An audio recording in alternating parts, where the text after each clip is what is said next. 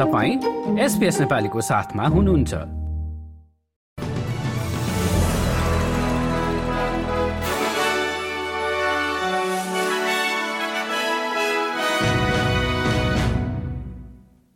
नमस्कार। आज शुक्रबार छब्बिस जनवरी सन् दुई हजार चौबिस। अब पालो भएको छ एसबीएस नेपालीमा।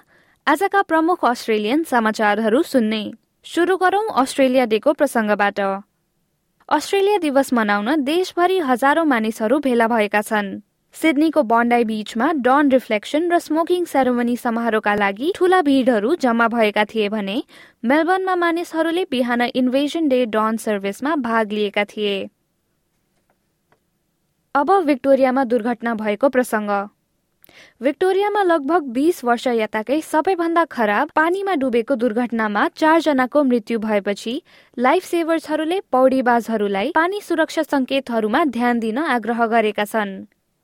मेलबर्नको दक्षिण पूर्वमा रहेको फिलिप आइल्याण्डको तटमा पानीमा डुबेर बीस वर्षका दुई महिला र चालिस वर्षका एक पुरुषको मृत्यु भएको हो। गत हप्ता देशको धेरैजसो भागलाई प्रभावित बनाएको तातो हावाको लहर अर्थात् हिट वेभको अवस्था आगामी दिनमा भने सहज हुने अपेक्षा गरिएको छ।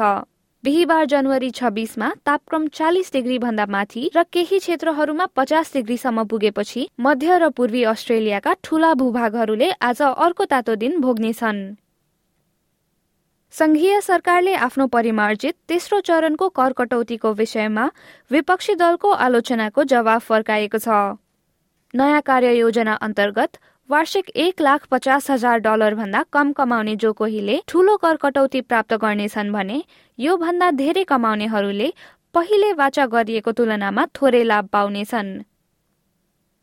खेलकुदमा सकरुजका डिफेन्डर ह्यारी सुटाले कतारमा हुने एसियन कपको नकआउट चरणमा टोलीले अट्याक रणनीतिमा धैर्य धारण गर्नुपर्ने बताएका छन्। समूह चरणको अन्तिम दिन किर्गिस्तानले ओमानसँग बराबरी स्कोर गरेको छ। जस अनुसार अस्ट्रेलियाले राउन्ड अफ सिक्सटिनमा आइतबार राति इन्डोनेसियासँग खेल्नेछ। हस्त एसपीएस नेपालीबाट आजका प्रमुख समाचार यति नै। सुरक्षित रहनुहोस्। नमस्ते।